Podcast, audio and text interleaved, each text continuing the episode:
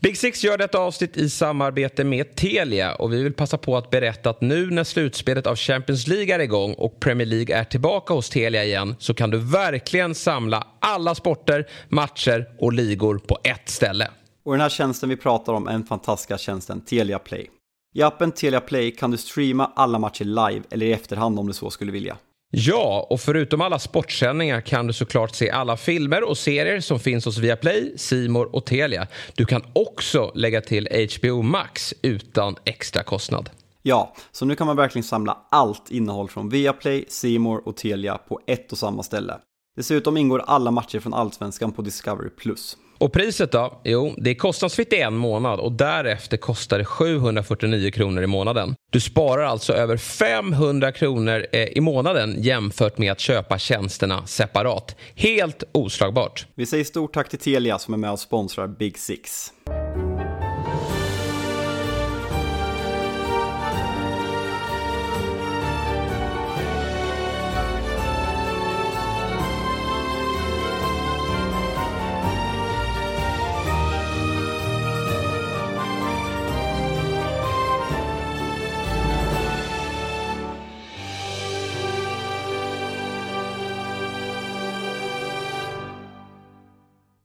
Då hälsar vi er varmt välkomna till ett nytt avsnitt av Big Six. Det är torsdag. Det har gått eh, fyra dagar sedan smällen på Anfield. Och därför Nej, sluta. Min första, min första fråga måste ju vara, Fabian Jalkemo, hur, eh, hur går det med eh, sorgeprocessen och, och krishanteringen? Var befinner vi oss? Alltså jag, jag, ilskan har inte kommit. Den, alltså, den, den har inte alls kommit. Det, det, det är för surrealistiskt för att bli arg. Alltså det är sånt, det är sånt hån. Jag, jag, ehm, jag fyller ju år imorgon så jag, ehm, och jag drar ju till Italien så jag, jag är ute och käkar ja, men en liten så här förfödelsedagsmiddag med några, nej, två vänner som håller på Liverpool. Och eh, boka bord på en sushi-restaurang. Eh, Nitt skriver liksom i vår chattgrupp och boka bord 19.00. Han bara, du menar sju? Jag bara, Ja. Nej. Så på den nivån har det varit den här veckan. Så man har ju fått, eh, man har blivit påmind eh, egentligen överallt. Men eh, alltså det, det är så surrealistiskt så att jag, jag har fortfarande inte kunnat ta det till mig. Och ilskan har så här verkligen nej men, uteblivit på alla sätt och vis. Så jag har försökt, jag gästade en podcast dagen efter som, ja men det har ändå blivit lite te- terapi att få prata om det i två poddar tätt inpå. Så det har ändå, det har ändå hjälpt på något sätt. Så jag, nej, jag lever fortfarande i förnekelse.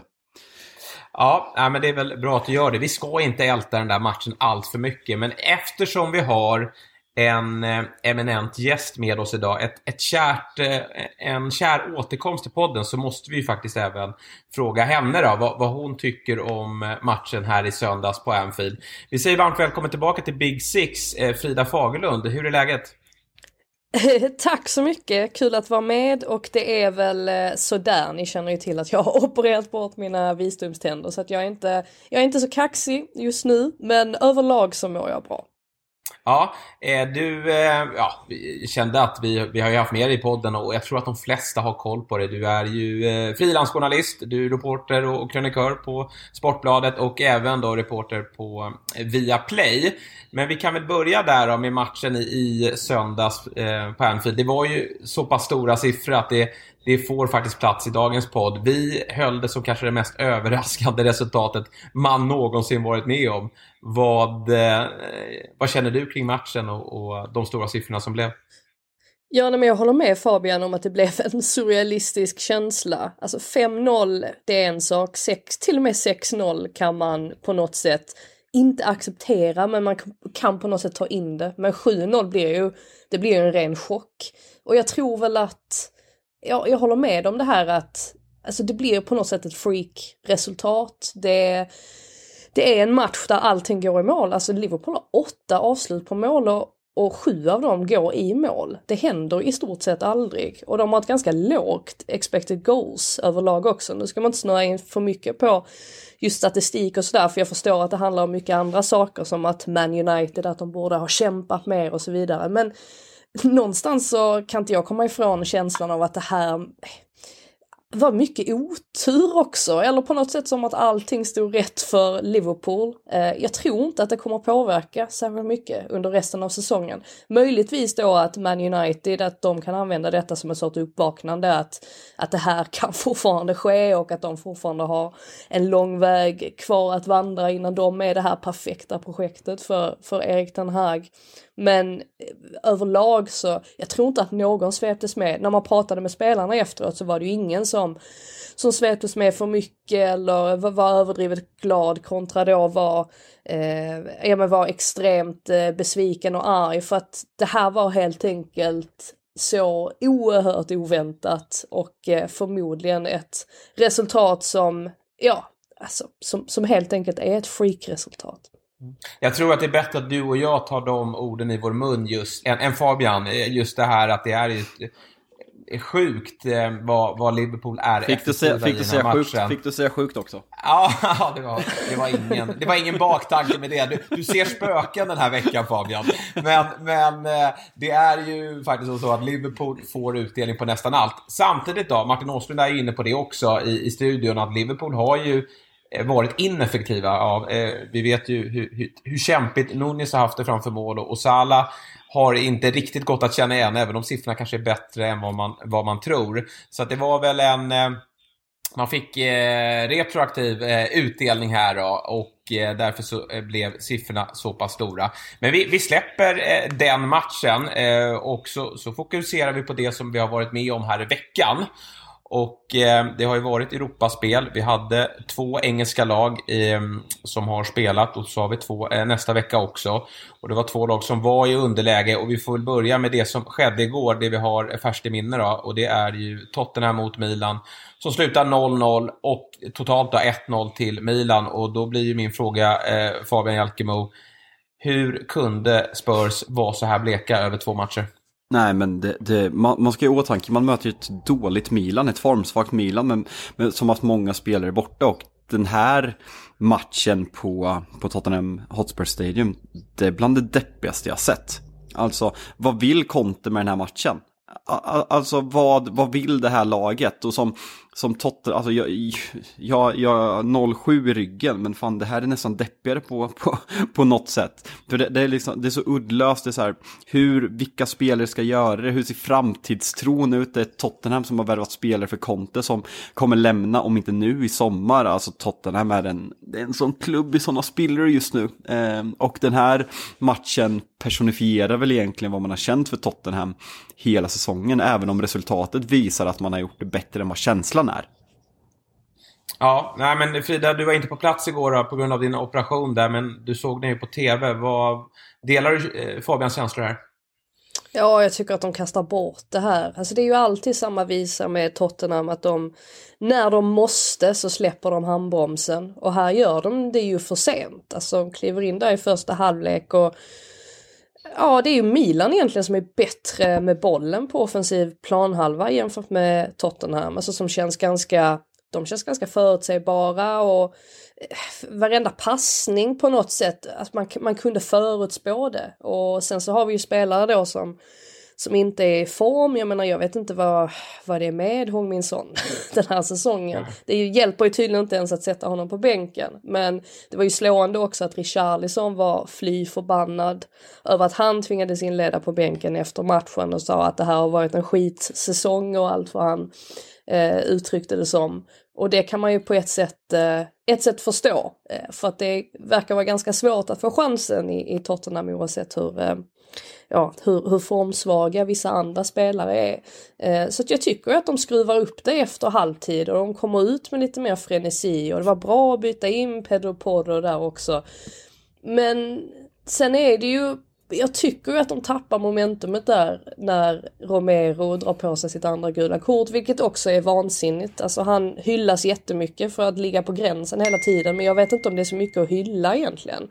Ehm, jag tycker snarare att det kostar Tottenham alldeles för, för mycket. Ehm, så att ja, det var ju allt sånt som, som inte, gick, inte gick med dem heller, men de har ju bara sig själva att skylla att de började spela så pass sent på något sätt.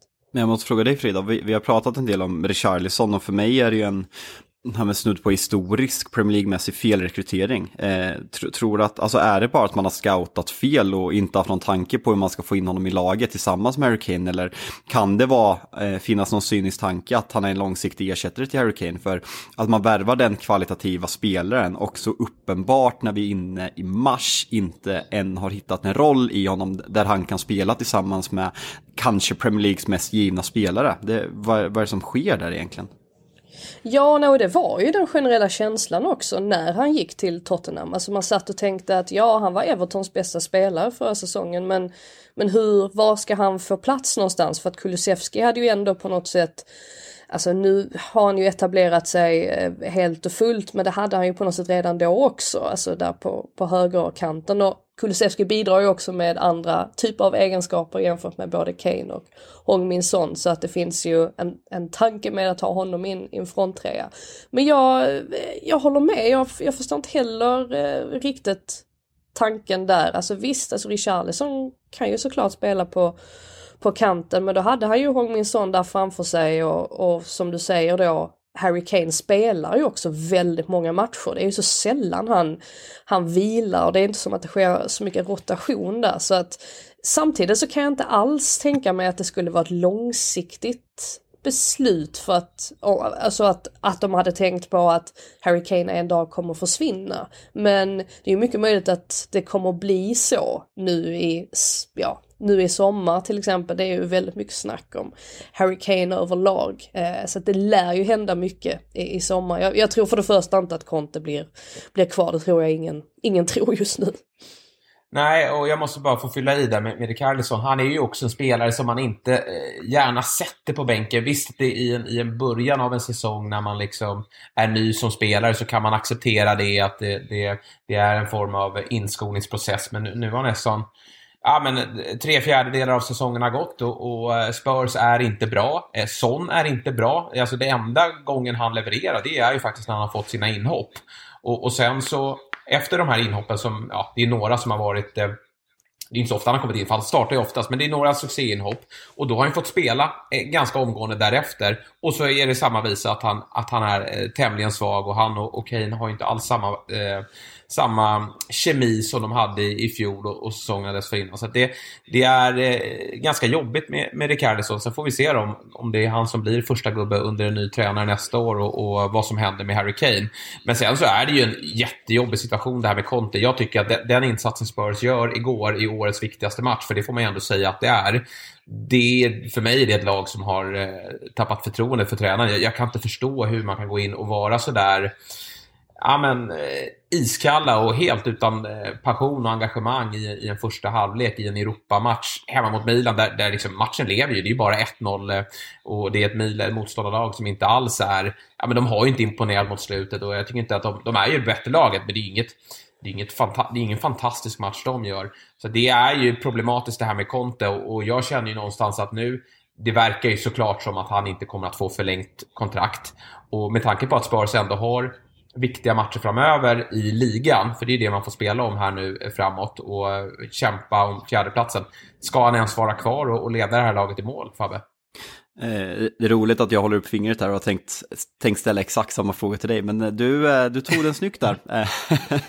Tänk, vi tänker lika. Nej, men hans kommentarer efter matchen, det kändes ju, alltså det känns, Mourinho har ju också den där sidan när det känns som att de verkligen har tappat det, när de vet att det alltså är, alltså början på slutet var det kanske för, för ganska länge sedan, men att det, liksom slutet närmar sig när han går ut och säger att ja, men jag, kanske får, jag kanske får lämna nu, så han hintar ju om det och det blir en billig uppsägning troligtvis eftersom man bara har, ja men vad blir det, tre månader kvar på kontraktet. Och jag, jag landar väl i, i där du är inne på att det här är ett slag, ett lag, ett lag utan en energi och Eh, det har på något sätt gått ut för väldigt mycket sen Bentancourt varit skadad för han behövs på det centrala mittfältet. Och eh, har man någon, någon kortsiktig tanke kan få in en ny röst i omklädningsrummet så, så utesluter inte jag att det kanske är det bästa för Tottenham att Eh, att, få in en ny röst eh, för att slåss om topp fyra. För jag, eh, jag håller Liverpool, det har jag sagt tidigare, jag håller Liverpool som ganska stora favoriter till den här fjärdeplatsen. Newcastle, får man igång målskyttet kan man hota.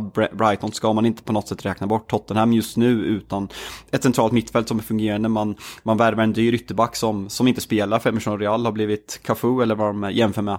Så jag, jag landar väl på något sätt att för Tottenhams skull så tycker jag att man ska gå vidare för jag tror inte att Conte kommer leda laget till en Champions League-plats vilket, vilket är minimikravet för annars är det ju en tokfiaskosäsong. Alltså kollar man truppmässigt, ja man kanske inte ska vara topp fyra men att åka ut mot Milan i åttondelsfinal, åka ut FA-cupen mot Sheffield United och ligacupen kommer jag inte ihåg hur man, hur man gick men det, det är ju en, det är en jättedålig säsong Tottenham gör. Eh, när man slutar topp fyra förra året, man satsar, man värvar Charlison, han får in Perisic, han får in Porro nu i januari, han värvar Dejan och Bentancourt som man, som man liksom var kortsiktigt eller om det var lån från förra året. Så har de fått sina spelare, det går inte att säga något annat.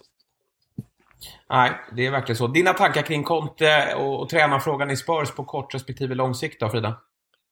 Ja, nej, men det bästa är kanske om Conte åker tillbaka till Italien så får Stellini, han får, eh, han får ta över eh, resten av eh, säsongen. Nej, de har ju för sig sett sett ganska hyfsade ut när, när Stellini har stått där istället och det har varit intressant att spekulera i om, om det har berott på att Conte har, inte har varit där. Eh, och då vet jag att Stellini har sagt att ja, nej, men det är lite grann som när man lämnar tonåringar ensamma hemma och de måste börja ta lite mer ansvar så att det kan ju, kan ju ligga någonting i att de har mått bättre när Conte inte har varit där. Samtidigt så tror jag att det handlar mest om att de känner sig eh, Ja, men de har ju, vi vet ju att Conte är en sån tränare som vill att spelarna ska ta, alltså varenda steg analyserar han. Alltså ta ett steg, ett felaktigt steg till höger så, så blir Conte vansinnig, lite grann sådär. Så jag vet inte om det kan vara att de känner sig lite för restrained, kommer inte på något bra svenskt ord eh, för det. Um, och att det möjligtvis är så att de kanske hade fått ut lite mer av, av hela sitt register om det hade stått någon annan eh, längs sidlinjen som inte är hans eh, röst. Men eh, ja, Sky-studion igår, eh, eller det var inte Sky, det var BT, Eh, Champions League sändes på. Eh, där satt eh, Glenn Hoddle, så att Peter Crouch föreslog att Hoddle skulle ta över för resten av säsongen och han kan kliva in som assisterande. Det är ju, det är ju ett alternativ, absolut. Ja, verkligen. Och sen sjunger de ju om, såklart som de alltid gör, om, om Pochettino på, på läktarna. Jag såg igår när de lämnade arenan så så sjöng de eh, ramsan eh, kring honom och det är ju någonstans eh, vad det verkar som för Spurs-supportrarna har den stora drömmen. Annars har det även pratats om, om De Serbi som, som går otroligt starkt med, med Brighton här och redan är vad, vad många anser redo för, för större uppgifter. Vad, vad känner du Fabian?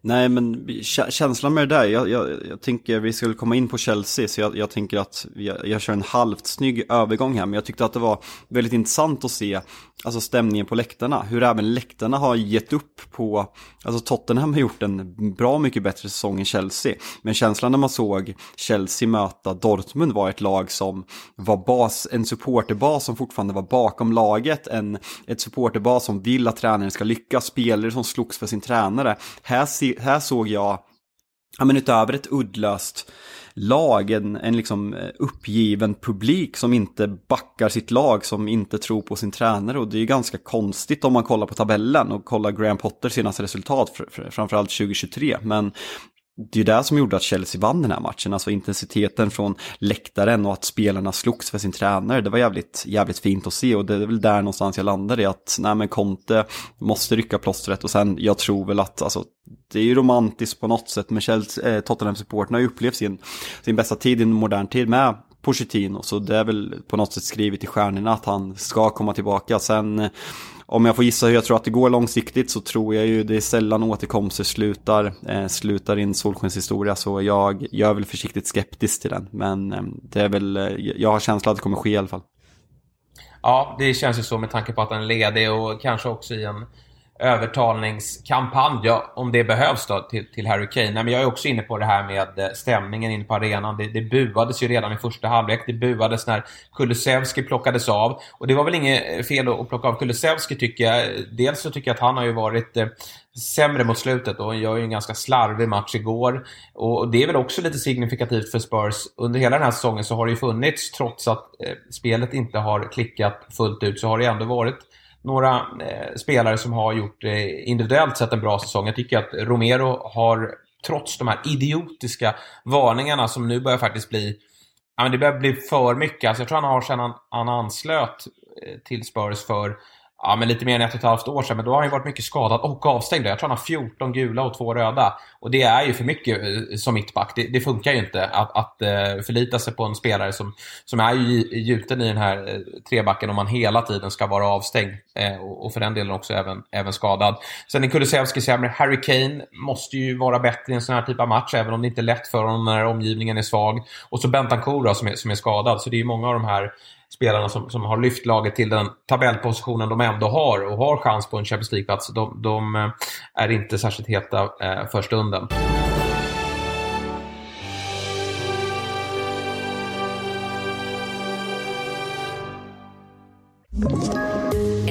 Poddtips från Podplay. I podden Något Kaiko garanterar östgötarna Brutti och jag, Davva, dig en stor dos skratt. Där följer jag pladask för köttätandet igen. Man är lite som en jävla vampyr. Man har fått lite blodsmak och då måste man ha mer. Udda spaningar, fängslande anekdoter och en och annan arg rant. Jag måste ha mitt kaffe på morgonen för annars är jag ingen trevlig människa. Då är du ingen trevlig människa, punkt. Något kajko, hör du på podplay. Därför är gardinerna.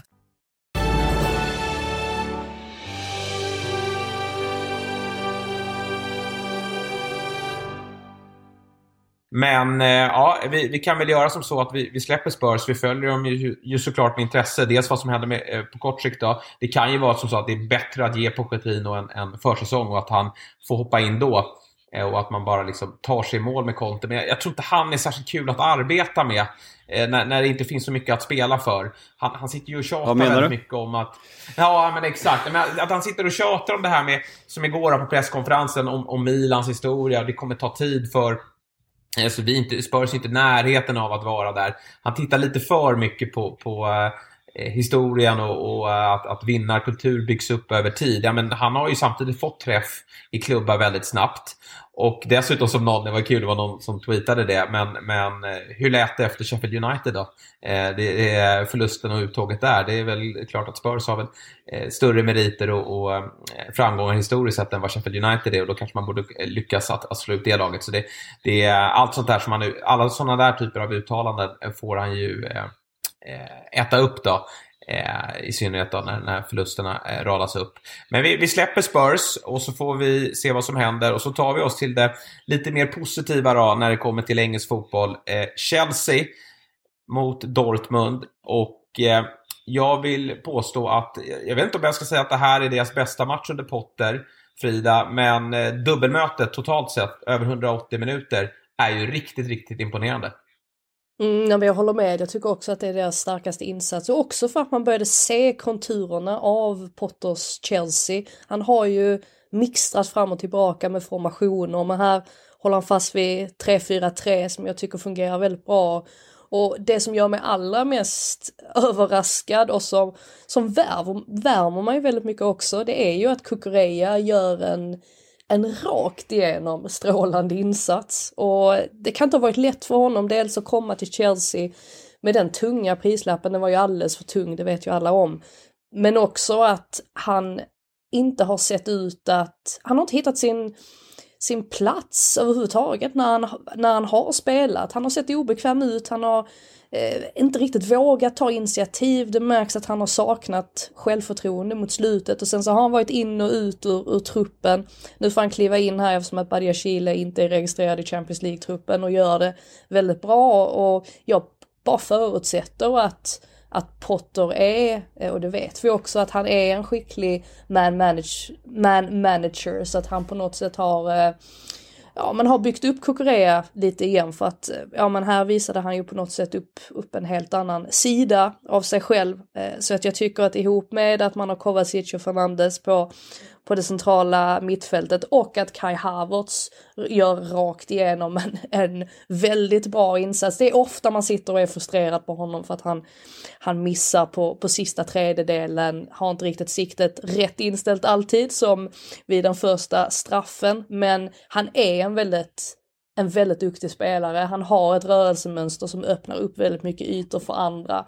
Eh, så att eh, nej, det här var ju verkligen ett steg i rätt riktning. Och man såg ju det på Potter också. Man såg hur mycket det betydde.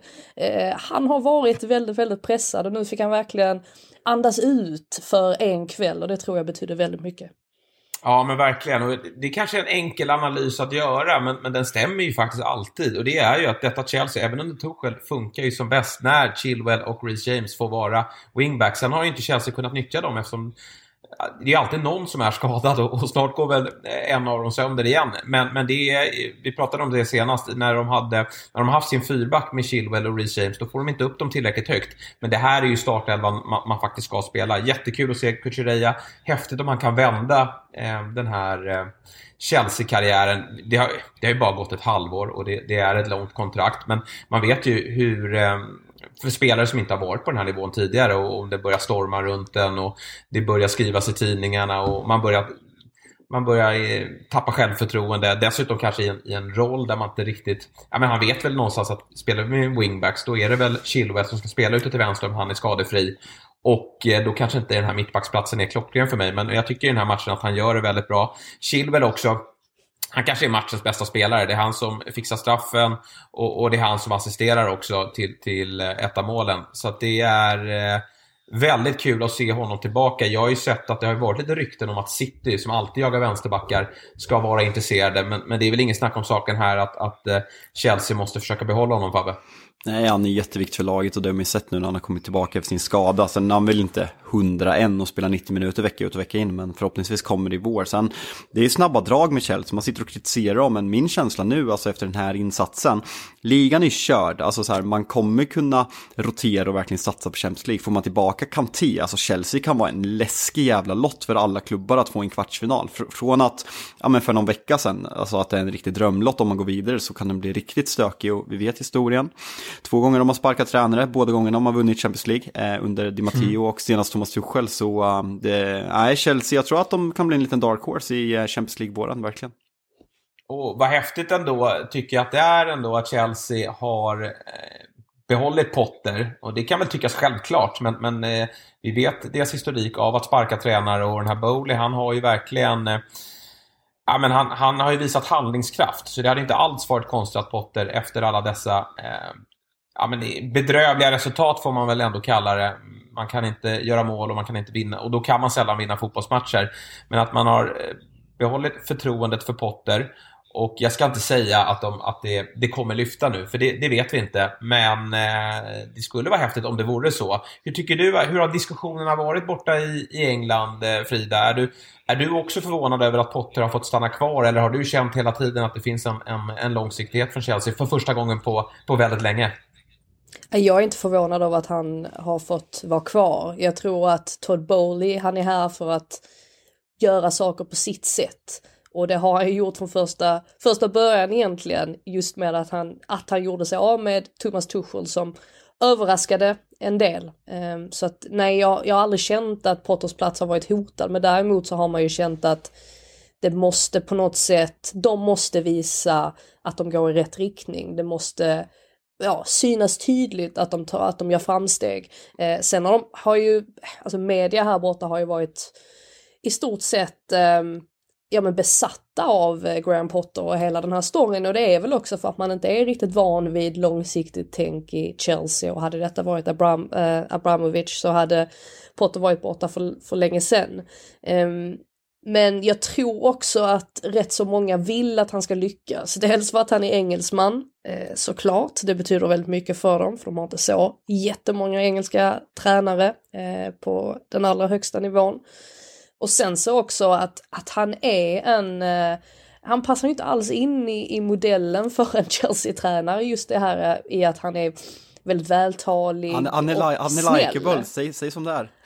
Han är, han, han är likeable. Men jag tycker ändå att, jag tycker att man har börjat se en sida av honom som inte alls är särskilt likeable. Och det vet jag att jag, alltså minns tillbaka, om man minns tillbaka till hans tid i Allsvenskan att det, det var inte så att han var eh, när man att han var någon sorts pushover och att eh, media kunde säga vad som helst och att han eh, på något sätt bara la sig platt på rygg inför media, absolut inte. Och jag tycker att han har blivit mer och mer så här också, att han har insett att jag kan inte vara the good guy. Ibland måste jag komma ut och sätta mig och så måste jag avfyra någon, eh, ja liten sån här eh, inlindad förolämpning mot någon. Jag tycker att man har sett de tendenserna och det är kanske det man behöver för att lyckas på den här nivån också, att man, eh, ja, man behöver vara lite sådär stingslig. Det, det, är inte många tränare som inte är stingsliga i den här branschen. Men kommer inte det lite per automatik då, att man blir lite spydig till slut på det, även om man har inställningen att vara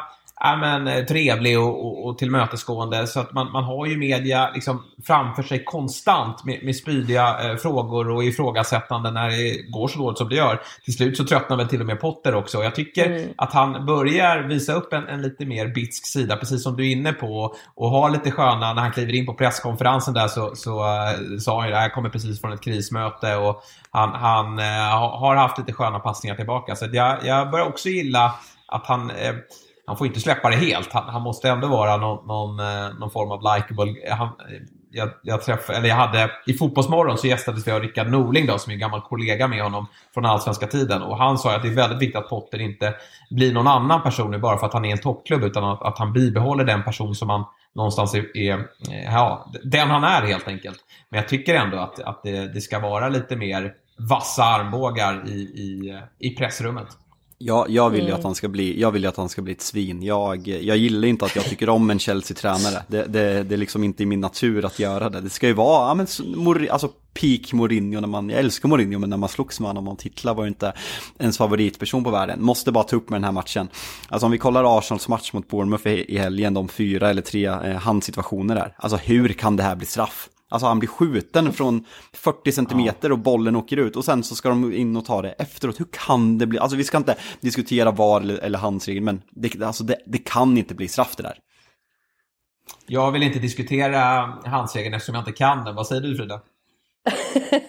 Nej det ligger någonting i det. Jag tyckte också att det var väldigt hårt. Hade jag varit Dortmund så hade jag dels dels kokat över den men också eh, känt att det var lite orättvist att Kai Havertz faktiskt fick slå om sin straff även om jag förstår att regler är regler. De, I det fallet så följde de ju bara reglerna. Men ja, jag var förvånad och jag eh, tror väl också att eh, Peter Walton som de kallar in i, under BT-sändningarna som är någon sorts domarexpert.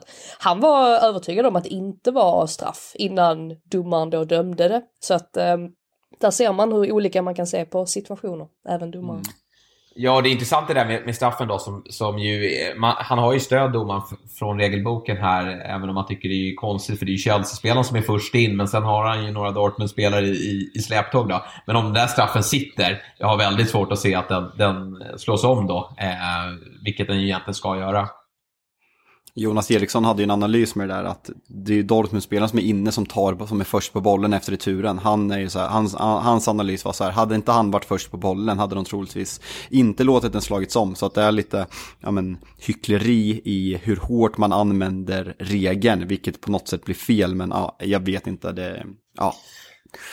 Men du Fabbe, du som har åsikter om allt och alla, börjar inte Todd Bowley växa på en? Alltså de här bilderna som eh, kablas ut efteråt när han står i, i, eh, i spelarkorridoren där med en bärs i handen, det måste det ha varit. Eh, alltså... Och liksom springer fram och kramar om Potter. Det där, där stärkte han sina aktier gentemot mig i alla fall. Ah, det var ju fina scener och eh, alltså jag, jag har ju hellre Todd Bowley som ägare än Joel och Abraham Glazer. Eh, om, vi, om vi säger så. De, ser de bärsen där nere och kramar om eh, Erik Den Hag har jag ändå svårt att se. Eh, det eh, nej, fan han, eh, han var lite, fan Chelsea, lite på plus efter nu alltså. Vi har sågat dem nu varenda avsnitt i fan fem månader, men älskvärd klubb den här veckan på något sätt.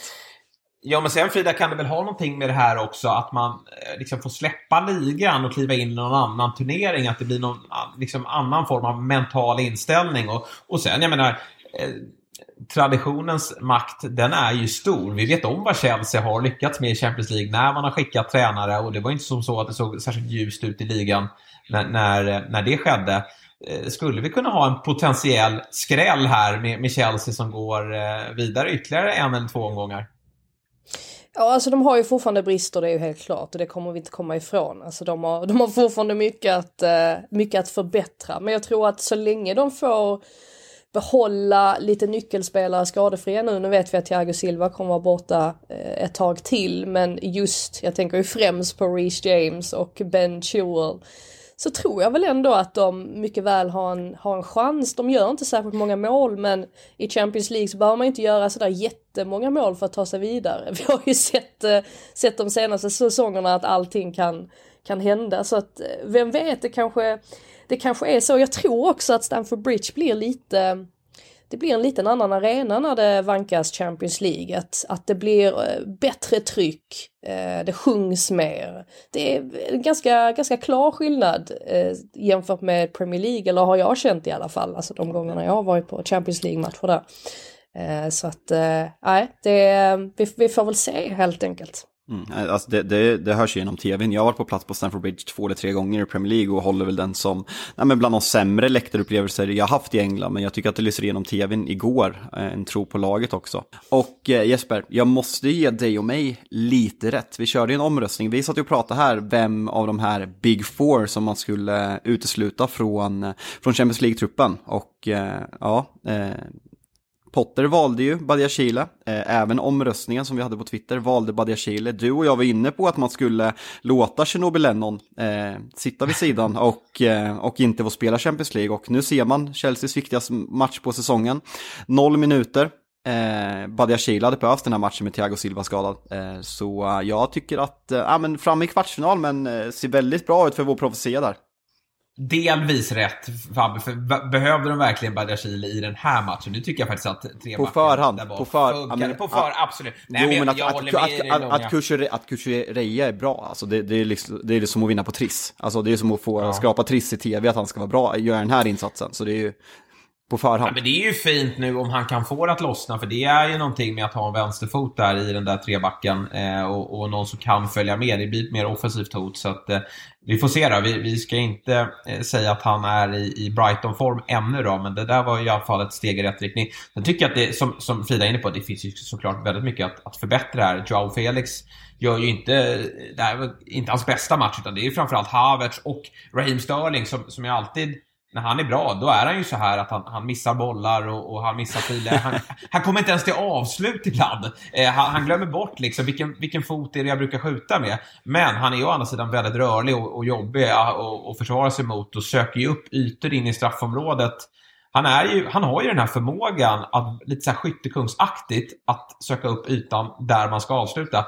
Problemet är bara att han, han eh, missar bollen ibland. Men eh, som tur var så fick han ju slå in sin egna retur efter att han hade sparkat hål. Sen tycker jag att Reece James, han går inte riktigt att känna igen ännu efter skadan. Han har ju liksom två växlar upp innan han är i toppslag. Och får du Chilwell och Reece James att eh, ta eh, ytterligare kliv, då, då blir den här 3-4-3an ännu bättre. Så det ska bli jättekul att se Chelsea här framåt. Och, och ligaspelet blir ju lite... Det blir lite att förbereda sig nu inför Champions League. Får vi se vilken lottning de får.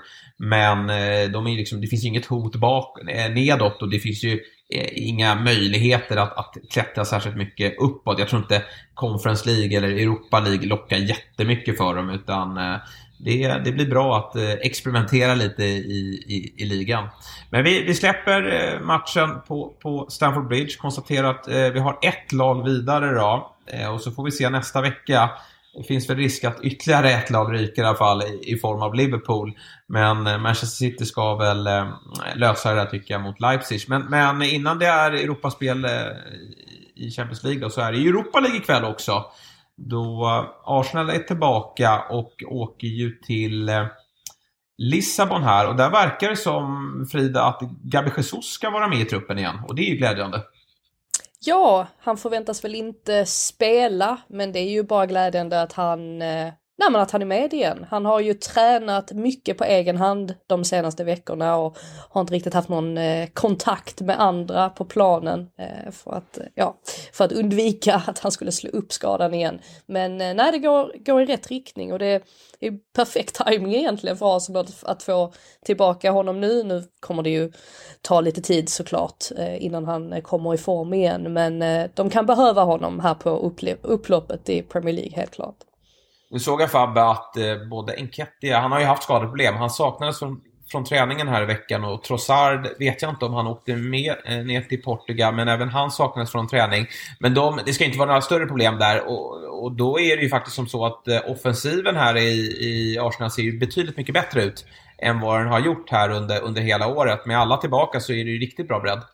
Ja, men vi, vi har ju pratat om ja, men att Arsenals bredd kan bli deras eh, liksom, förfall i den här titelstriden. Men kollar man nu, alltså Smith Rowe eh, kom in och gör assist förra matchen. Man har Enketia som ja, men, kommer förpassas till bänken när Jesus är borta. Trossard eh, som finns där. Vera Nelson som gör mål senast. Så det, det, är en helt annan situation än vad det var för några månader sedan. Jag tycker väl, alltså nu när några spelare är borta borta ikväll, som vi säger, Enketia, eh, eh, Jesus och eventuellt Rosarda, så, så gör väl elvan ikväll offensivt sig själv. Men det ska bli intressant att se eh, exempelvis i returmötet, om alla är tillbaka, hur man prioriterar Europa League, för det kommer synas tydligt på hur, hur man spelar de där matcherna.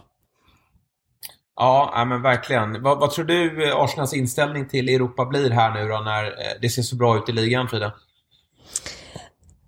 Alltså jag vill ju, jag hoppas ju att de har eh, mer fokus på Premier League, så mycket kan jag ju säga. Eh, sen är det väl lite grann det där, alltså just på det, eh, på, på det där ämnet med bredden så kan ju jag nästan tycka att eh, Trossard är ett bättre alternativ jämfört med Enketia. Eh, de har ju olika typer av egenskaper men jag tycker att när Trossard har spelat så så öppnar han på något sätt upp ytor för Gabriel Martinelli och vi har sett en bättre version av Martinelli när han har spelat ihop med Trossard kontra när han spelar ihop med Enketia. Eh, jag tycker bara det är intressant för att jag hade aldrig sett jag såg inte den övergången, övergången komma i januari. Jag såg visserligen inte övergången av Jorginho komma heller, men där har ju verkligen Arsenal prickat rätt så att precis som Fabian är inne på så nu har de ju bredd nog att de ska kunna tampas på, på två olika håll på något sätt. Eh, så att även om jag tror att de fortfarande tar Europa League på, på stort allvar så ja, det är väl klart att när man leder Premier League så måste man ju, man måste behålla sitt fokus där. Jag håller med verkligen om det här med Martinelli och Trossard. Det har faktiskt sett riktigt bra ut. Båda kan ju faktiskt spela längst fram, precis som att de båda också trivs väldigt bra ute till vänster. Och, och Arteta som är ju pepskola, han gillar ju att eh, eh var, spela med lite falsk nia och få de där två att byta lite positioner. Och det, man märker att motståndarlagen ha, har problem att, att eh, försvara sig mot dem. Och det gäller ju att få Martinelli så nära mål som möjligt. Han har ju haft en liten tuffare tid bakom sig. Men, men i de senaste matcherna tillsammans med Trossard så tycker jag att han har sett mycket bättre ut. Får vi se då när, när Jesus är eh, fit for fight och, och redo att eh, starta matcher, hur, hur han ställer upp. Eh, vi ska inte stanna allt för länge vid den här matchen, men, men jag noterar att Sporting har eh, fyra raka segrar här nu då. Och eh, vi får väl se vad, vad, deras inställning är till den här matchen. Jag kan tänka mig, de, de släpar ju lite i ligan. De ligger väl på, på fjärde plats tror jag, så det, det, är nog jätteviktigt för dem här att, att eh, ta sig vidare, men Arsenal är såklart eh, favoriter. Manchester United då, där handlar väl allt, Fabbe, om att eh, Alltså, jag kan tänka mig att ligan fortfarande är ju såklart prioriterat, men, men nu handlar det väl om att få ett bra resultat med tanke på att eh, eh man måste studsa tillbaka efter förlusten senast. Ja, men det, det är just det du säger, sluta tillbaka. Vinst mot Betis nu och Southampton på söndag, så eh, alltså det kommer aldrig vara glömt. 0-7 på Anfield kommer, det, det, kommer aldrig glömmas, varken från, från United, men kanske all, framförallt kanske inte från Liverpool-fansen. Men då känns det som att ja, men det, var ett, det var ett plump i liksom en, ett projekt som Erik Ten Hag håller på att bygga upp och det kommer vara glömt ganska snabbt för spelarna. Eh, men det är just att det ska bli intressant att se om några straffas med, eh, med en bänkning den här matchen. Exempelvis Anthony, andra, Anthonys andra halvlek, Dalos hela 90 minuter. Alltså Bruno Fernandes har ju ifrågasätts på många sätt hans kaptensmaterials kvaliteter efter matchen. Men med Donny van de Beek skadad, med Christian Eriksen skadad, vem ska ta hans position? Ja, jag kan inte se att Bruno inte startar den här matchen. Sen får vi se om vi byter några mittbackar, men det är en viktig match för att kunna åka till Sevilla med ett bra resultat i ryggen nästa match. Jag tror att de kommer gå ganska hårt för det här. Frida, vad, vad, säger du om de här diskussionerna kring Bruno Fernandes som vi har hyllat för hur han har liksom fått fart på sin United-karriär igen på något sätt?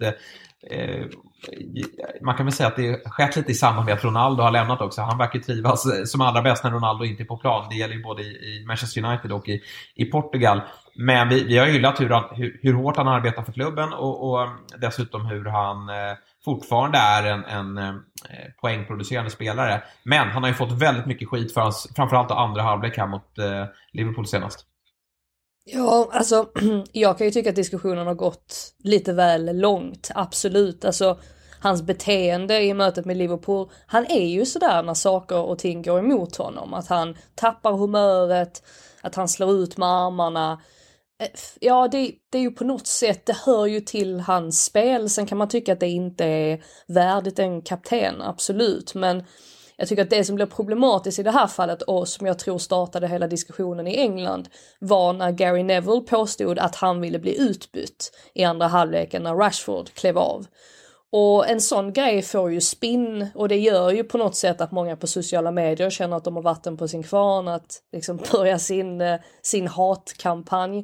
Eh, det visar ju sig att Bruno Fernandes, han, han som har spelat på så många olika positioner den här säsongen, han vill ju bara förklara till var ska jag vara när Rashford kliver av? Alltså det var det var enligt honom själv i alla fall alltså enda anledningen till att han slog ut med armarna på, på det sättet. Så jag, jag tycker på något sätt att det blir ett, ett märkligt fokus efter en sån här match. Att man ja, riktar in sig på en spelare, pekar ut honom som roten till allt det onda. För att det var väldigt många spelare som inte dök upp i den här matchen. Det var ju Casemiro, det var Rafael Varane, det var Lisandro Martinez, Luke Shaw som är inblandad i stort sett alla hans, mål. An, hans andra eh. halvlek är bland det värre man har sett. Och sen, ja, det är jag, jag, jag, jag, jag tycker man ser efter den här matchen, som Frida säger, det här är ju negativa, negativa sakerna med sociala medier. När, när det liksom, en säger en sak, alla tar det som sanning, sen kavlas bilderna ut på Bruno Fernandes agerande och så här, ja, han för ut mot armarna, frågande mot Erik Ten Hag, bara så här, jaha, då vill han bli utbytt.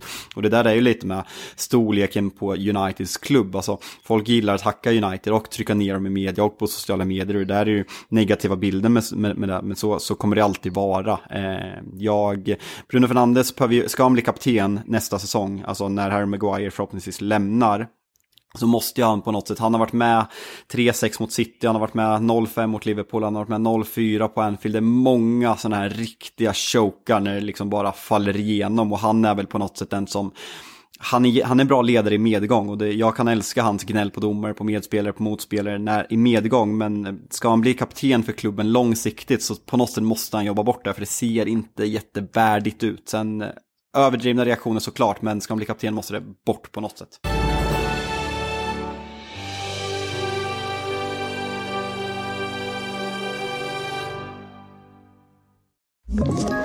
Ett poddtips från Podplay. I fallen jag aldrig glömmer djupdyker Hasse Aro i arbetet bakom några av Sveriges mest uppseendeväckande brottsutredningar. Går vi in med hemlig telefonavlyssning och, och då upplever vi att vi får en total förändring av hans beteende. Vad är det som händer nu? Vem är det som läcker? Och så säger han att jag är kriminell, jag har varit kriminell i hela mitt liv men att mörda ett barn, där går min gräns. Nya säsongen av Fallen jag aldrig glömmer på Podplay.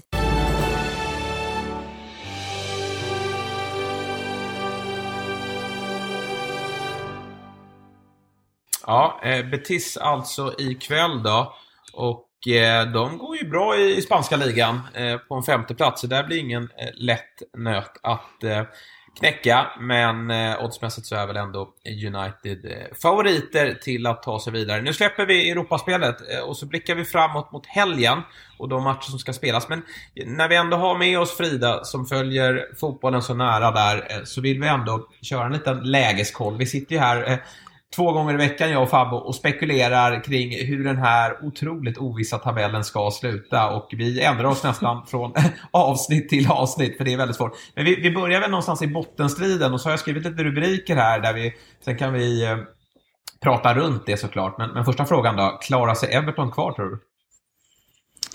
Oh, alltså, ja, är, jag, är ju, jag, är, jag är ju väldigt svag för Sean Dyche. Så att jag vill ju tro att de kommer att klara sig kvar. Och jag tycker att trots att Everton i mitt tycke i alla fall har ett av de absolut sämsta spelarmaterialen, särskilt när Dominic Calvert-Lewin är, är, skadad, så finns det ändå en, en sorts geist i laget som de plockar fram. Eh, inte alltid, eh, ibland går luften helt ur dem när saker går emot dem, men jag tycker på något sätt att det ändå finns en kämpaglöd. Och det hänger ju så mycket på att de ska klara kontraktet också. Alltså åker de ur så vet man inte alls hur det kommer att sluta i och med att de håller på att bygga sin nya arena och de kommer bli skyldiga väldigt mycket pengar. Jag, jag tror att Everton klarar sig kvar, men det kommer ju vara med minsta möjliga marginal i så fall i och med att det är så tätt. Eh, så då kommer du ju säkert fråga mig vem åker ja. ut i deras ställe. Vi har ju räknat ut Bournemouth och Southampton, så du, du får säga den tredje. Ja, precis. Um, alltså, jag tycker att West Ham har för bra trupp för att åka ur. Även om det är mycket möjligt för rent organisatoriskt var de fullkomligt usla förra helgen. En sån grej indikerar ju på något sätt att de kanske inte har fullt förtroende för, för David Moyes. Men det är mycket möjligt att de kan studsa tillbaka och jag tror nästan att de gör det också. Men det gör att jag landar i Leeds. Och jag tycker att även de har, de har bättre spelarmaterial än vad Everton har exempelvis. Men jag vet inte, det är, ett, det är ett till lag som ska åka ut och just nu i alla fall så tycker jag att det lutar åt Leeds även om, eh, ja, även om de kanske inte bör åka, åka ur men det är väl knappt något lag som borde det. Det finns ju även några andra etta där nere som absolut inte trivs. Eh, Leicester har ju verkligen en berg och dalbanesäsong får man säga. Med tanke då på att de började uruset, sen, sen tog de tag i säsongen och man kände att nu, nu kan de lyfta här. Mycket tack vare att James Madison hittade formen. Men nu är man indragna i skiten också eh, på nytt då. Eh, tror du att någon av de här jättarna, West Ham och, och Leicester, skulle kunna vara med där nere hela vägen? Eh, ja, alltså frågar man James Madison så kommer Leicester absolut inte åka ur. Eh, jag vet inte om ni såg att han, eh, det är ju, händer ju ibland att spelare reagerar på vad journalister skriver. Och The Athletic har ju en dedikerad Leicester-skribent som heter Rob Tanner, tror jag.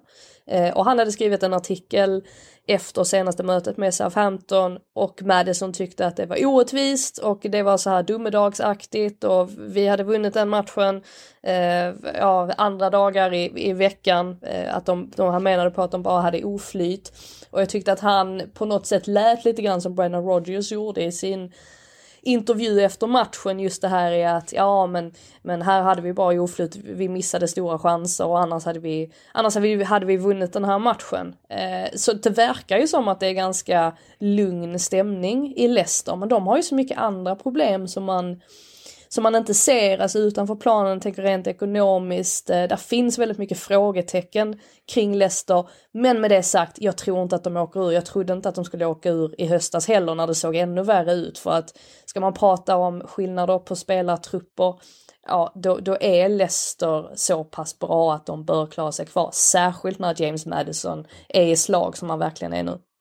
Men gällande Madison, vi har snackat, vi har ju placerat honom i Newcastle. Jag har inte sett mycket snack ryktesmässigt om honom. Han har ju alltså 12 månader kvar på sitt kontrakt i sommar. Vad, vad är känslan där? För han, han kan ju inte vara kvar i Leicester är väl verkligen, de står ju verkligen inför ett ja, men, val och kval. Ska de satsa, ska de på något sätt lägga ner satsningen och, och liksom acceptera att vara en mittenklubb mellan liksom 15 och plats 10. Och jag, jag ser inte att han är en framtid där, han skulle kunna gå till en klubb som Newcastle. Det är sagt Newcastle, som sagt Tottenham är ett annat tänkbart alternativ. Han, vad, vad, vad tror du där? Ja, nej men alltså så som jag har förstått det rent ekonomiskt så måste de släppa honom i sommar. Men jag håller med, jag tycker inte heller att man har sett särskilt många, många rykten kring honom på sistone. Jag vet inte om det hänger ihop med att han är skadad då och då, men när han väl spelar så är han ju så otroligt viktig. Han gör ju verkligen enorm skillnad för, för Leicester, det är ju väldigt tydligt. Så jag förväntar mig att han lämnar.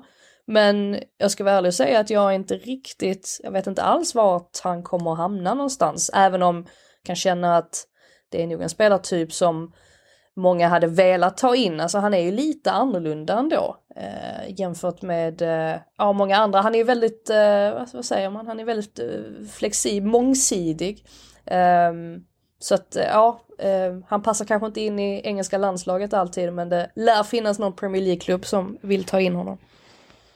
Vi tar oss uppåt i tabellen då och pratar lite överraskningar. Vi har haft sensationspokalen här där vi inte riktigt kan bestämma oss vilket lag som är det laget som har överraskat mest positivt. Vilka har imponerat mest på dig Frida? Ja, men jag, jag förväntade mig att Brighton skulle göra det bra eh, den här säsongen, med eller utan Potter uppenbarligen. Eh, jag tycker att Cherby har på något sätt tagit laget till en ännu högre nivå. Det är väl ganska tacksamt också när man kommer in i en klubb som redan är väldigt välskött och tränaren har inte försvunnit för att laget har gjort dåligt ifrån sig så att självförtroendena är, är körda i botten utan här tog de Cherby över ett lag som fullkomligt blomstrade och sen så har han implementerat sin sin väldigt, väldigt direkta fotboll. Jag tycker att Potters fotboll är, är ganska så direkt till viss del, men jag menar att Cherby är på en helt annan, helt annan nivå. Eh, och det passar det spelarmaterialet väldigt bra, så att jag är inte särskilt förvånad över att de har sett bra ut. Men jag tror att det laget jag är mest förvånad över att de ligger där uppe, det är Fulham. Jag tror till och med att det kan vara så pinsamt att jag hade dem i botten när jag tippade tabellen tidigt förra sommaren. Det hade vi alla. Ja. Alltså hade inte alla de som på 19 plats, alltså jag skulle säga, ja. alltså gemene mans tips var ju Fulham 19 plats mm. och alltså många, jag tror, jag, jag vet ju att du hade Southampton Jesper, den var du tidig på, jag kan absolut haft Brentford åka ut, jag är inte säker, men det, det pratades ju också om, ja men den tuffa andra säsongen, Christian Eriksen som var, ja men arguably deras bästa spelare på, på våren försvann, eh, folk pratade liksom att det skulle vara eh, nedflyttningsstrid där, så de, de ska också nämnas, men Fulham sticker ju verkligen ut. Ja, men jag tror det var när jag kollade på truppen och, och insåg att ja, men vissa av de här spelarna, när de var uppe senast i Premier League, så, så var det väldigt tydligt att de klarade inte av standarden, eller att hålla standarden. Så det är det jag är förvånad över, att en del av de spelarna har dykt upp här nu igen och gör betydligt bättre ifrån sig. Så att det, det är väl det som bidrar till min eh, förvåning.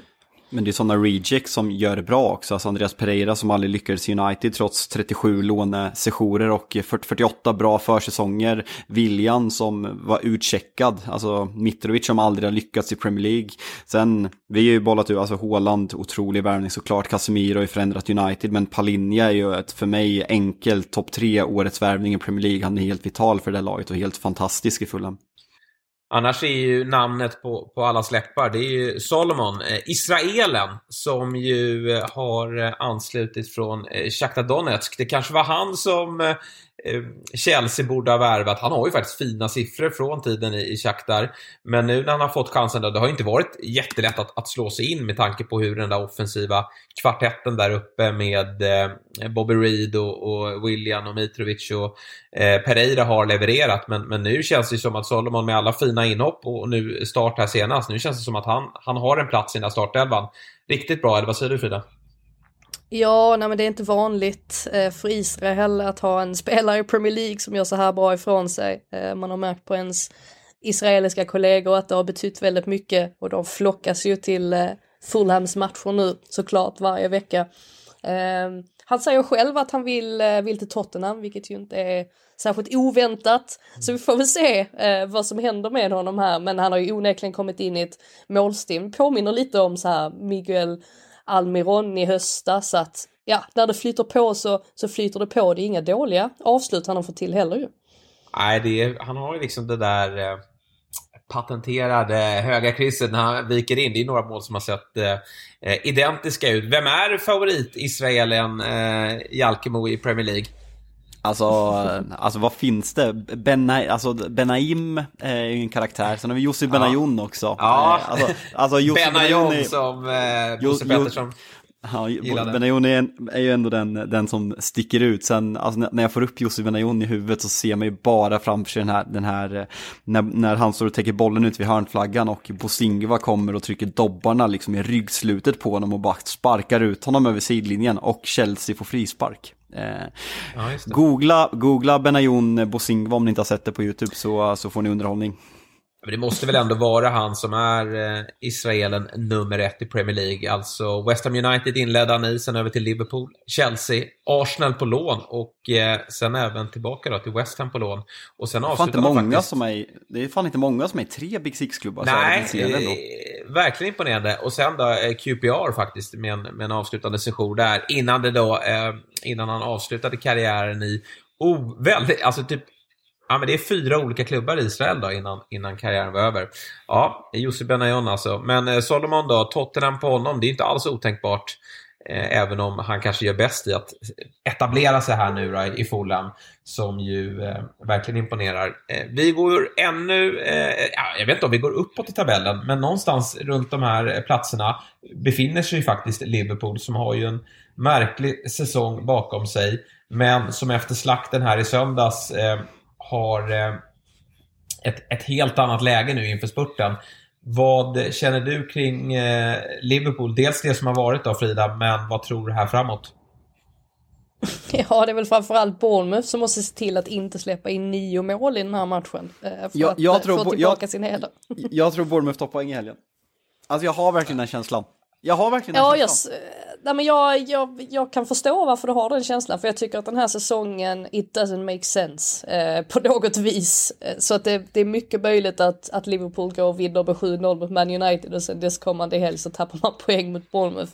Och jag tycker väl också att, som vi var inne på, alltså de, Liverpool har fantastiska spelare. Eh, de har framförallt offensiva spelare med jättemycket kvalitet. Men eh, det är inte säkert att eh, vi inte får se de här, eh, ja men eh, det, här, som har brustit i, i Liverpool tidigare under säsongen med, med försvar, försvarsmässigt och att man kanske inte har hittat rätt balans på mittfältet. Det här blir ju på något sätt en helt annan match med Bournemouth som kommer ja, men försvara betydligt mer eh, och ha den inställningen så att vi lär få se en, en helt annan matchbild jämfört med eh, Man United-matchen. Och kanske då att man ändå har lite hopp om ett mirakel nere i Madrid. Eh, och eh, kanske luftar några spelare. Jag tror ju såklart att Liverpool ställer bästa tänkbara lag här, men, men kanske att om man är i ledning, att man eh, låter eh, Salah och, och Nunez och vem nu som startar eh, som tredje man där får eh, Gakpo, antar jag, med tanke på hur bra han var senast då, får kliva av lite tidigare. Men eh, du håller väl också, antar jag, Liverpool som, som favorit just nu då till att ta den här eh, fjärdeplatsen? Ja, alltså vad, ja, vad har man för favorit? Kan du fråga mig efter helgen igen? Eh, för att det känns som att det, det liksom ändrar sig hela tiden. Ehm, ja, nu, just nu så känner man ju att Tottenham, att de på något sätt har tappat sitt momentum lite grann. I i Newcastles fall, jag tycker inte Newcastle har varit dåliga. De var inte dåliga mot Man United i ligacupfinalen. De var inte dåliga mot Man City på Etihad. Men det är ju målproduktionen som är ett stort problem. Jag hoppas att Alex Isak får chansen från start i helgen. Jag säger inte att han har sprutat in mål för det har han ju inte gjort men jag tycker på något sätt att deras anfall har sett lite bättre ut med honom. Callum Ja. Wilson ser inte riktigt fit ut just nu. Ah, Det är ju en annars en spelare jag håller väldigt högt men ge Isak eh, chansen från start och så får någon börja leverera helt enkelt för, för Newcastles del för att det är ju det enda som fattas i deras spel. Men det där är känslan med Alexander Isak att han, det är så svårt när man anfaller och han vet att gör inte han mål så blir han utbytt i minut 60 för att Callum Wilson ska komma in. Alexander Isak behöver ju ha självförtroendet att han vet, han får spela 90 minuter, säg att han får spela 90 minuter fyra ligamatcher i rad, att han har självförtroendet att han inte behöver leverera och göra mål, för han känns lite åt det egoistiska hållet ibland, att han går själv väldigt mycket för att han vill visa att han är på den nivån. Så eh, jag hoppas verkligen att han med start här mot Wolverhampton på söndag, att han får starten och eh, ja, men, sp- spräcker den där jävla måltorkan som de har. Det är även matchen på Anfield när de, när de är 0-2 innan de här matcherna mot United och City senaste veckorna. Nej, men nu är det verkligen dags att ge Isak förtroende här. För tidigare har det varit som så att, ja men dels har ju han haft sina skadeproblem och varit utanför laget. Men då har ju också Wilson sett så bra ut, så det har inte, och, Newcastle har gått så bra. Men nu är man ju eh, skede där, jag håller med dig Frida, Wilson ser inte lika fit ut och han har ju, han har ju en historik av, av väldigt många skador. Och dessutom så, så gör han inte lika många mål. Nu måste Isak få lite, eh, lite chanser här framåt och eh, känna just att han, han kan göra en, en sämre insats och ändå få starta nästa match. För man har lagt väldigt mycket pengar på honom och det, det måste man eh, eh då måste man ge honom möjligheten att, att visa upp sig. Och dessutom få känna på lite att, att spela det här intensiva schemat som, eh, som kommer att vara i i Premier League. Det är ju många matcher som släpar och det kommer vara midweek-omgångar. Så att det, är- det är bra för Isak att bevisa sig och visa att han inte bara är en, en bra fotbollsspelare utan att han även har fysiken. Vi eh, får väl ändå eh, avsluta med titelstriden här då, Frida. Vad har du för känsla kring hur det här kommer att sluta? Ja, alltså efter förra helgen så känner man ju att det här är ju Arsenals år. Eh, jag kan inte förklara det på något annat sätt. Ehm, just det här med att Reece Nelson fick avgöra också. Eh, visst, det var bara Bournemouth, men jag tycker att sättet som man vinner den matchen på indikerar att de, de har ganska mycket ja, men, lite flytet på sin sida och det måste man ju ha. Jag tänker på, på matchen mot Aston Villa också, att de får med sig de här tre poängarna nu på, på rullande band. Så att eh, även om matchen mot Fulham kommer att bli tuff givetvis, det är ett, eh, ett jobbigt motstånd att, att möta så tycker jag ändå att eh, ja, men det tycker inte att Arsenal har alla möjligheter i alla fall att eh, på något sätt koppla ordentligt grepp om, eh, om första platsen. Gällande Arsenal så, vi, vi var inne på det i måndags, att det är, det är sån jävla mental styrka. Men, men det som Arsenal måste börja kika på, det, det, är att man, man släpper in alldeles för mycket mål för tillfället. Man släppte in två mot, eh, mot Brentford var det väl, eller om det var, ja det gjorde man väl. Man släpper in två mot Aston Villa, man släpper in två mot Bournemouth. Det där, det, det, är jätteimponerande att man vänder och skulle jag gissa nu med kniv mot strupen så skulle jag säga att Arsenal är favoriter till att vinna ligan men man måste sluta släppa in mål för släpp, fortsätter man med det, man kan inte vända de här matcherna konstant hela tiden och ha de här last minute winnerna. Det kommer kosta i slutändan och det får inte göra när man är uppe mot ett sånt fantastiskt fotbollslag som Manchester City ändå är. Eh, och kikar man spelschema på, på Arsenal då så är det ju faktiskt som så att man, ja vi vet ju alla att de ska till Etihad och där har man ju, man har förlorat två matcher mot City redan i år. Man ska åka till Anfield och, och då är ju, alltså Liverpool har ju bara ligan att fokusera på och man eh, är på jakt efter en fjärde plats. Den blir ju väldigt tuff. Och sen kan det ju faktiskt vara som så att även eh, vi har ett, eh, ett bättre Chelsea som väntar i omgången efter att man har mött City på bortaplan. Bara tre, dag, tre dagar efteråt ska man faktiskt eh, ta emot eh, Chelsea på Emirates. Så att, eh, det är lite småknivigt schema, men så ser det ut. Det är många omgångar kvar, så det är klart att övriga topplag har också eh, tuffa matcher kvar som väntar. Men, men vad bra, då fick vi en liten eh, genomgång även från eh, Frida med, med tankar kring hur det här ska sluta. Till helgen då så är det ju eh, inget riktigt sådär toppmöte, men eh, man blickar ju såklart. Eh, ja, Fabbe har redan sagt att Bournemouth vinner enkelt hemma mot Liverpool. Och eh, ta poäng. sen får vi väl ta poäng då. Eh, sen blir det intressant. Men jag tycker London-derbyt sticker ut. Hur Arsenal då, tuff match. Eh, borta mot Sporting ikväll i Lissabon. Och sen ska de tillbaka då på söndag mot ett eh, starkt Fulham. Den, den matchen blir ju väldigt intressant. Verkligen.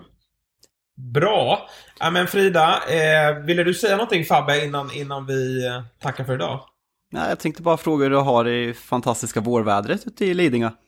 Är det bra? Ja, Ja, men nu skulle vi inte prata mer vår här, utan vi konstaterar väl att det här snötäcket, det är... Jag har ju varit med om att det har snöat runt... Eh, det har, det har väl varit så att det har snöat runt midsommar någon gång?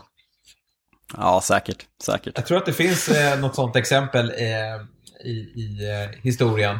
Och eh, med tanke på att det, sånt kan ske i det här landet så pratar vi inte om väder längre. För så fort vi öppnar dörren för vårväder och annat, då, då jinxar vi det hela. Och eh, nu är det bara att ge sig ut och ta på sig skidorna.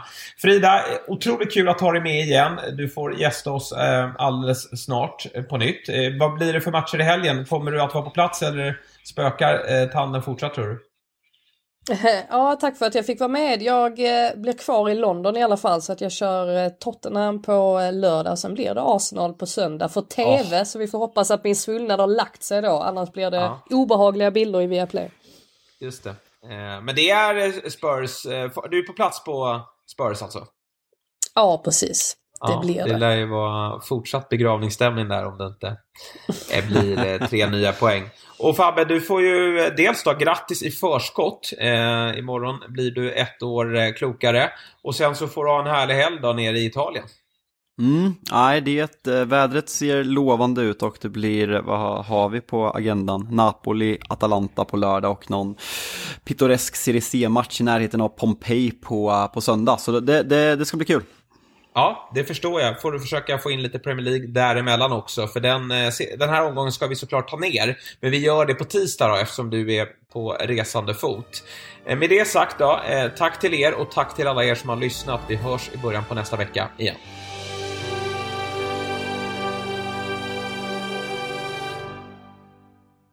Ett poddtips från Podplay. I fallen jag aldrig glömmer djupdyker Hasse Aro i arbetet bakom några av Sveriges mest uppseendeväckande brottsutredningar. Går vi in med hemlig telefonavlyssning och, och då upplever vi att vi får en total förändring av hans beteende. Vad är det som händer nu? Vem är det som läcker? Och så säger han att jag är kriminell, jag har varit kriminell i hela mitt liv men att mörda ett barn, där går min gräns. Nya säsongen av Fallen jag aldrig glömmer på Podplay.